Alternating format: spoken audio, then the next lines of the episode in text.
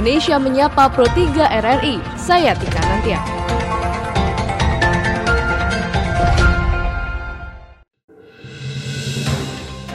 Dari Medan Merdeka Barat 45 Jakarta, inilah Radio Republik Indonesia dengan Warta Berita bersama saya Tika Nantia. Sari Berita, Wadah pegawai KPK berharap Kapolri Idam Aziz dapat menuntaskan masalah penyerangan air keras terhadap penyidik senior KPK Novel Baswedan. Ungkapan Menteri Agama Fahrul Razi mengenai cadar dan celana cingkrang menimbulkan pro dan kontra di masyarakat. Inilah warta berita selengkapnya. Wadah pegawai KPK berharap Kapolri Idam Aziz dapat menuntaskan masalah penyerangan air keras terhadap penyidik senior KPK Novel Baswedan. Selengkapnya dilaporkan Khairul Umam. Kami dari pegawai KPK mengucapkan selamat kepada Bapak Idam Aziz yang terpilih menjadi Kepala Kapolri yang baru. Rapat paripurna DPR RI telah menyetujui Komisaris Jenderal Polisi Idam Aziz sebagai Kapolri. Menanggapi hal itu, wadah pegawai Komisi Pemberantasan Korupsi berharap Idam mampu menuntun jajarannya untuk membongkar berbagai kasus teror terhadap pegawai KPK. Salah satu di antaranya yaitu terhadap penyidik senior KPK yaitu Novel Baswedan. Ketua Wadah Pegawai KPK Yudi Purnomo menyambut baik persetujuan DPR RI atas usulan yang diajukan oleh Presiden Republik Indonesia Joko Widodo.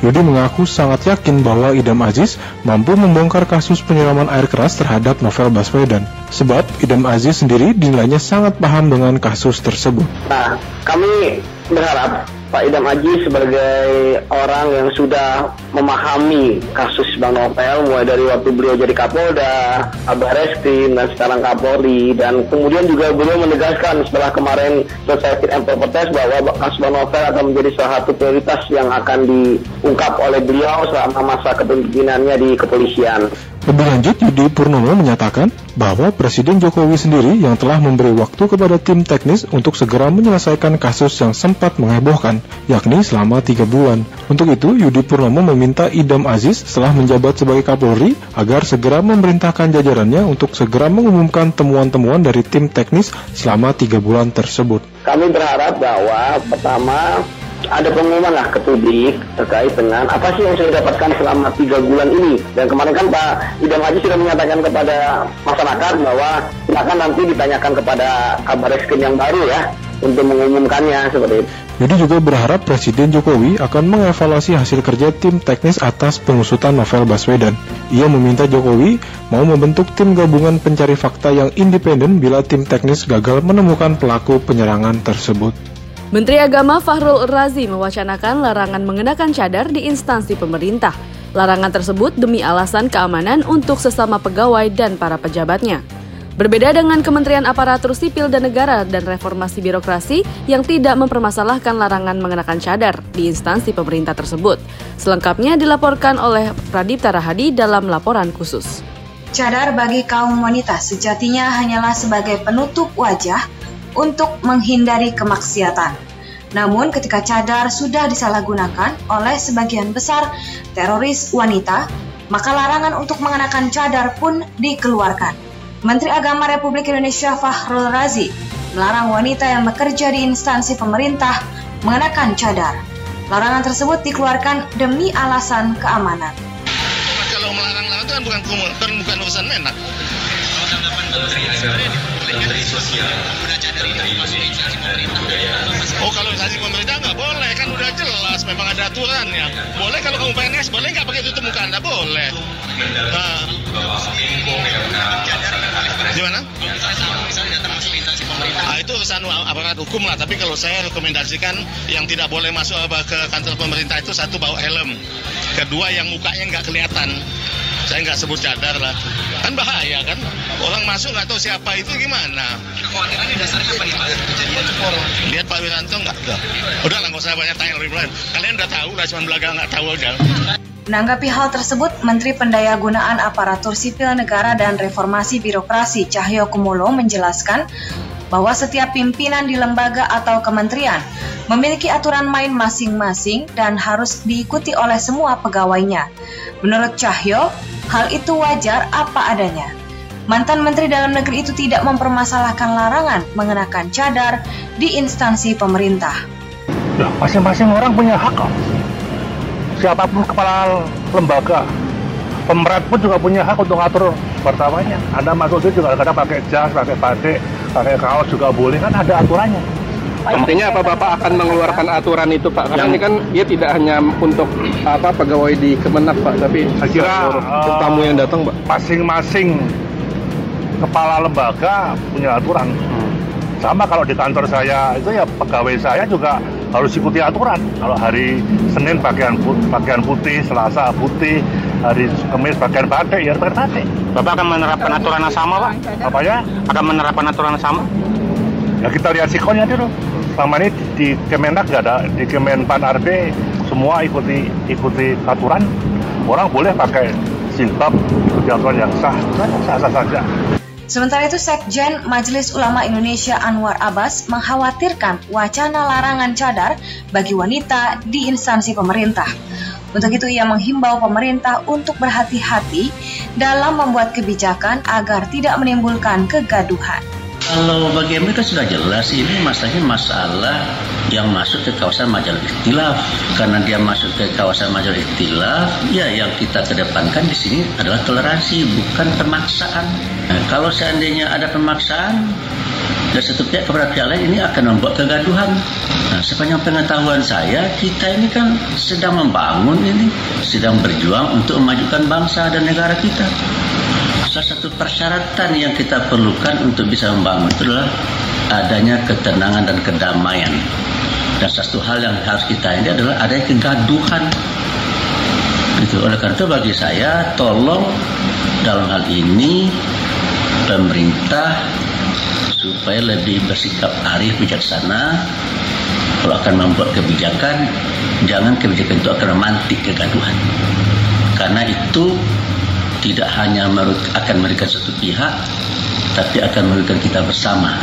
Jika larangan mengenakan cadar benar-benar diberlakukan, maka Indonesia akan mengikuti jejak negara-negara lain di dunia, seperti Perancis, Belanda, Spanyol, Belgia, Italia, Chad, Kamerun, Nigeria, Switzerland, Denmark, Aljazair, dan Kongo.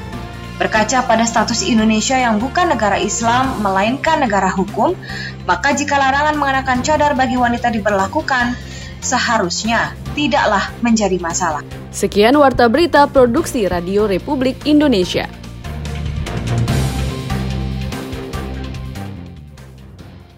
Pendengar berbicara tentang pejabat yang berada dalam Kabinet Indonesia Maju memang belum berhenti atau masih dalam perbincangan masyarakat. Nah ini salah satunya baru satu pekan menjadi Menteri Agama, Fahrul Razi sudah membuat ramai media sosial dengan ungkapannya mengenai cadar dan celana cingkrang. Lalu bagaimana pembahasan hal ini? Berikut kami hadirkan komentar yang disusun dan disampaikan oleh redaktur senior Pro 3, Widi Kurniawan berikut ini. Editorial Pro 3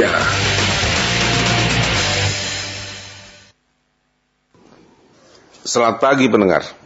Soal cadar dan celana cingkrang tampaknya cukup mengganggu perasaan dan pemikiran Menteri Agama Republik Indonesia, Jenderal TNI Purnawirawan Fahrul Razi.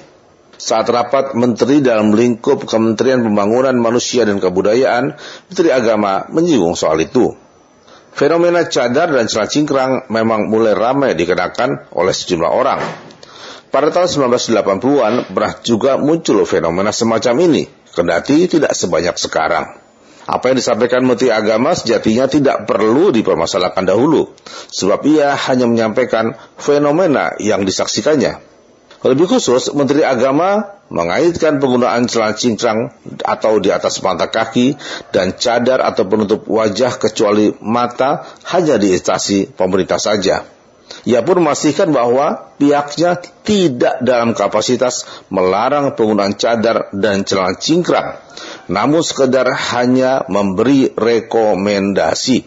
Karena demikian, ungkapan Menteri Agama Fahru Haji tersebut menjadi konsumsi para netizen warganet di media sosial. Mereka ramai membicarakan, mulai dari yang pro dan kontra hingga mengulas dalam berbagai perspektif agama. Sementara itu, Menteri Pendayagunaan Aparatur Negara dan Reformasi Birokrasi, Cahyo Kumolo menyatakan bahwa hal itu diserahkan pada masing-masing kementerian dan instansi. Berdasarkan kajian empat mazhab dalam Islam, Maliki, Hambali, Hanafi, dan Syafi'i, cadar itu berbeda-beda ketentuannya. Kalangan Nahdlatul Ulama menyebut bahwa cadar adalah khilafiyah dan tidak ada kewajibannya. Sedangkan celana cingkrang atau di atas mata kaki itu hanya soal hadis yang dikenakan kepada laki-laki. Karena itu adalah sah-sah saja Menteri Agama memberikan rekomendasi mengenai celana cingkrang dan cadar atau nikop.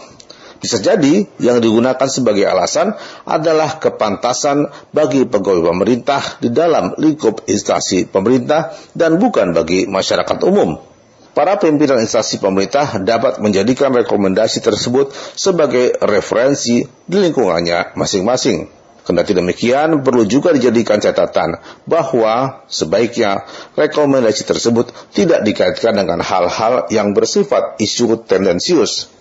Selain juga ada baiknya hal-hal yang memunculkan kontroversi tidak dimasuki dulu oleh Menteri Agama serta lebih fokus pada tugas dan fungsi Menteri Agama menjadikan rakyat Indonesia berbudi pekerti luhur, berakhlak mulia, tidak korup, dan saling tasamuh atau toleran antara masing-masing pemeluk agama. Demikian komentar, selamat pagi. Pendengar kata atau istilah radikalisme ini memang populer di pemerintahan Jokowi. Dan hal ini tentu saja mempengaruhi visi misi dari pejabat yang menduduki Kabinet Indonesia Maju. Seperti beberapa hari yang lalu, ada isu yang mengemuka dan menarik, yakni soal pelarangan cadar masuk ke instansi pemerintah. Dan isu tersebut tidak main-main diungkapkan oleh seorang menteri yang baru saja dilantik. Lalu sebenarnya bagaimana pelarangan ini sampai masuk ke instansi pemerintah? Untuk itu pendengar kami sudah menyiapkan dialog bersama dengan Wakil Ketua Majelis Tabligh PP Muhammadiyah Ustadz Fahmi Salim berikut ini.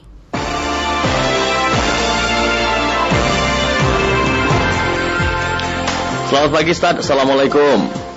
Waalaikumsalam warahmatullahi wabarakatuh. Ya, ini isu yang sangat menarik Ustadz. Uh, cadar katanya tidak boleh masuk ke instansi pemerintah. Pak Ustadz gimana melihatnya? Ya, kalau menurut saya e, kembalikan saja kepada peraturan hmm. di tiap-tiap kementerian atau kalau mau pemerintah ya buat peraturan bagaimana busana di tempat e, instansi masing-masing gitu ya atau di seluruh instansi hmm. bagi yang muslimah ya e, itu dengan menggunakan baju seragam hmm. atas bawah ya pakai e, diperkenankan pakai jilbab atau yang semisalnya gitu ya. Saya kira kembalikan kepada uh, aturan instansi saja gitu ya, tanpa harus malah nyebut masalah uh, pelarangan cadar sebab su sudah sebanyak apa sih gitu ya. Uh, kenapa uh, sehingga harus dilarang gitu kan. Mm -hmm. Sudah pernah dilakukan survei belum mm -hmm. atau sudah ada pendataan belum? seolah-olah yang menggunakan cadar ini sangat banyak gitu mm -hmm. sehingga mengganggu mm -hmm. kinerja, mengganggu aktivitas pekerjaan di kantor. Mm -hmm. Ya, jangan kita ini membesar-besarkan sesuatu yang sebenarnya tidak signifikan. Mm -hmm. Bukan ya, kinerja uh, ASN itu tidak di tidak diukur dari persoalan pakaian, apa, uh, pakaian, hmm. atribut, busana dan lain sebagainya, tapi diukur kan ada ada ukuran-ukuran objektifnya gitu loh. Iya. Selama dia bisa memenuhi kewajiban, ya, e, bisa apa melakukan kerja-kerja yang produktif, uh -huh. nah, itu saja yang menjadi ukuran. Uh -huh. Ya. Soal pakaian, ya memang harus ada batasan umum kepantasan. E, e, tidak mungkin apa tidak mungkin juga pakaian atau busana tidak diatur. Iya. Kalau orang masuk kantor busananya pakaian minim, nah ini mm -hmm. kan juga mengganggu juga. Ya. Betul. Apa bedanya dengan uh, pelayan bar gitu kan? Mm -hmm. Jadi memang sudah ada batasan kepantasan umum ASN itu seperti apa. Ditambah mm -hmm. bagi yang muslimah itu uh, apa namanya jilbab ya, ya itu bisa diatur nah, caranya seperti itu. Mm -hmm. Nah ini kan sempat dikaitkan juga katanya dengan gerakan radikal dan uh, salah satu pertimbangannya kenapa cadar tidak boleh masuk ke instansi pemerintah adalah untuk antisipasi keamanan. Uh, takutnya nanti ada yang masuk oknum begitu ya. Bagaimana ya, tanggapannya, Stad? Ya, uh, saya salah ya. Hanya uh, kenapa ini tentu saja aturan itu. Hmm. Jadi pas ASN itu men, apa, uh, apa, menyesuaikan dengan aturan itu. Yang melakukan cadar di uh, lingkungan uh, instansi pemerintah dan kemen itu berapa banyak hmm. harus ditakuti seperti itu. Hmm. Ya kalau ya sudah diatur saja tadi apa bisa diatur dapat disampaikan hmm. uh, uh, pihak atau orang yang menggunakan itu ya minta disesuaikan dengan busana yang sudah ditetapkan. Mm -hmm. Ini tidak usah mengang apa di besarkan sesuatu ini sesuatu yang apa ya? Uh, Kalau Ustadz melihat apakah ada fobia yang terlalu besar atau bagaimana? Iya, fobia. Jadi lucu sekali. Radikalisme itu ada pada dalam pikiran, mas bagian dari ideologi. Mm -hmm. Tidak bisa diukur dari uh, apa namanya penampilan. Mm-hmm. Ya, banyak orang penampilan biasa biasa, tetapi cara berpikirnya pun radikal, yeah. gitu ya. Atau bahkan yang apa e, berbusana minim sekalipun bisa jadi dia berpikirnya radikal, maksudnya radikal mm-hmm. sekuler. Gitu. Mm-hmm. Jadi radikalisme bukan hanya agama, mm-hmm. ya. Ada radikalisme politik, ada radikalisme ekonomi, ada radikalisme kapitalis, ya, ada hmm. radikalisme sosialis, komunisme, separatisme itu juga bagian dari radikalisme. Iya. Stad, jadi seolah-olah dibangun isu utama di negeri ini adalah soal radikalisme gitu ya? Iya, seolah-olah uh, utama bangsa ini adalah radikalisme gitu. Hal ya banyak uh, besar bangsa ini bukan dari radikalisme yang bermotifkan agama. Mm -hmm. ya, itu Baik. Tapi ini kan rencana kajian ya, baru wacana. Ya. Apakah uh, Ustadz melihat ini sebetulnya mau tes the water dulu uh, dengan menggelembungkan isu ini, dengan mengeluarkan statement ini, Pak Fahrul Rozi menagih yang baru, uh, lihat respon dari publik dulu seperti apa, baru nanti lihat bagaimana. Kalau Pak Ustadz melihatnya seperti apa?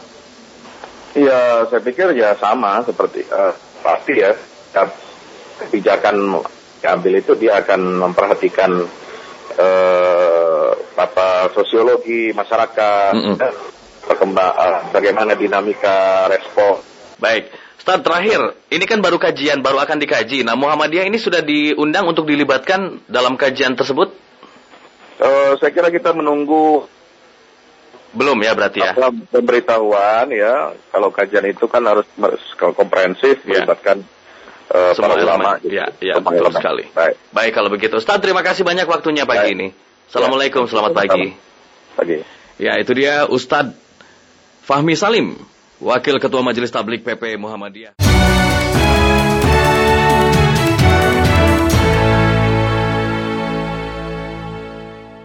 Pendengar informasi tadi sekaligus mengakhiri perjumpaan kita pada podcast edisi hari ini untuk Indonesia Menyapa Pro 3 RRI Produksi Radio Republik Indonesia. Saya Tika Nantia undur diri, sampai jumpa, salam.